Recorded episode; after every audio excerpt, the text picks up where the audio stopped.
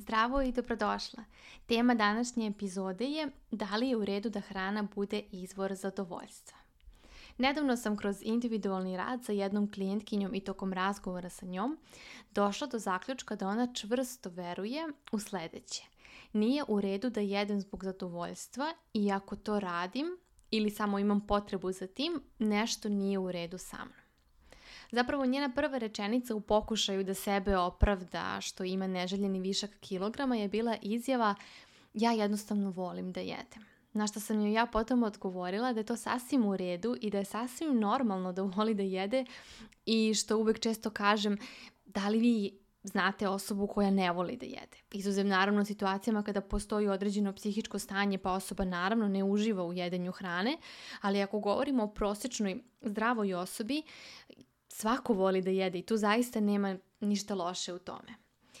Taj osjećaj da ako uživamo u hrani, nešto nije u redu sa nama, potiče još iz onog čuvenog slogana jedemo da bismo živjeli, a ne živimo da bismo jeli. Da je hrana samo izvor energije, nikako ne treba da bude zadovoljstvo, zatim ljudi koji se konstantno prejedaju zapravo samo previše uživaju u hrani i slično. Sa jedne strane mi je jasno dakle se to potiče i ta početna ideja je bila dobra da se stavi do znanja da hrana ne treba da bude vid lečenja nezadovoljstva, da isto tako ne treba da bude vid razonode u periodu do okolice i taj deo je naravno sasvim u redu. Ali isto tako, zamenom teza možemo doći do novog problema, da ljudi misle da nešto nije u redu sa njima jer vole da jedu i uživaju u hrani. Kao naravno i za većinu stvari o kojima pričamo, uvek, pa i ovo naravno, zavisi od samog konteksta. Svakako da nije dobro toliko isključivati segment zadovoljstva i etiketirati ga kao nužno loš, jer je činjenica da se danas više nego ikada hrana povezuje sa uživanjem, hedonizmom, dok se sa druge strane e, bombarduje suprotnim da hrana nikako ne sme biti izvor zadovoljstva, već isključivo naše gorivo. I šta se onda dogodi? Kao u primjeru evo, ove moje klintkinje, ljudi se osjećaju loše jer uopšte imaju potrebu da uživaju u hrani, odmah pomisla da nešto ne rade kako treba, da nešto nije u redu sa njima, a onda paradoksalno počinju zapravo da se prejedaju, što naravno više uopšte i nije zadovoljstvo, jer kao što svako voli da jede, isto tako svako ne voli taj osjećaj prejedanja, bilo tokom trajanja, a naravno tek posebno nakon u tu težinu u stomaku koja se, koja se javlja. I to prijedinje naravno nastaje kao posljedica osjećaja krivice.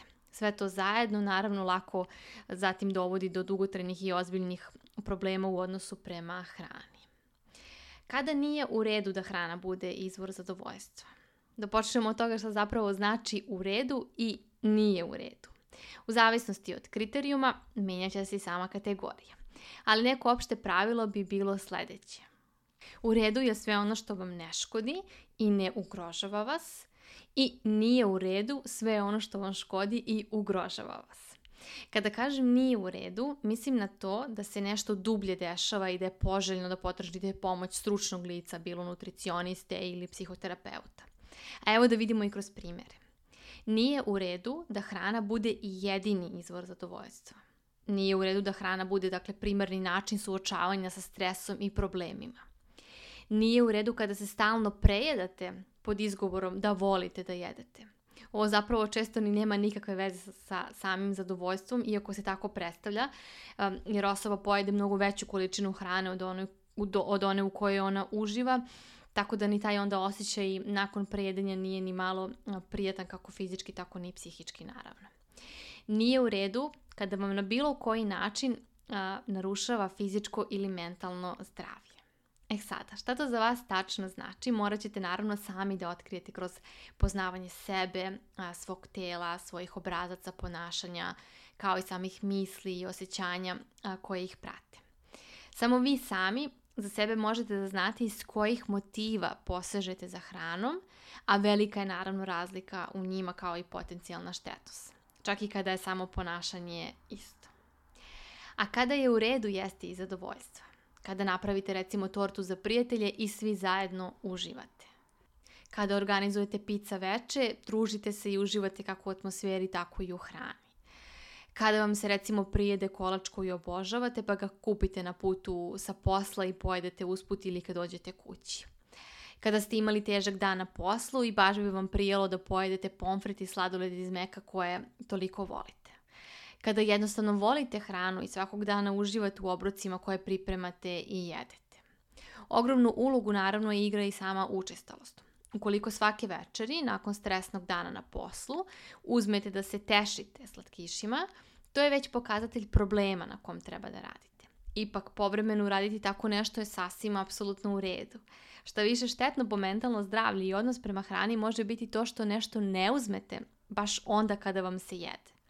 Isto tako, određene aktivnosti koje se smatraju zdravim i poželjnim, recimo vođenje računa o sebi i o svojoj ishrani, redovan trening, ukoliko su iz pogrešnih motiva, mogu biti potpuno nezdrave i voditi u još veći problem, ali o tome ćemo nekom drugom prilikom. Za danas bit će dovoljno da upamtite da je sasvim u redu da hrana bude izvor zadovoljstva sve dok to ne ugrožava vaše fizičko ili mentalno zdravlje. Ako me prvi put upoznajete ovdje putem podcasta, želim da vas pozovem da pogledate i moj sadržaj na drugim platformama. Možete kucati u pretraživaču kao Nada Fokt i zaći će vam moji profili. Isto tako pozivam vas da mi slobodno pišete na nada.nadafokt.com svoje ideje i predloge za teme koje vas interesuju i o kojima biste voljeli da govorim.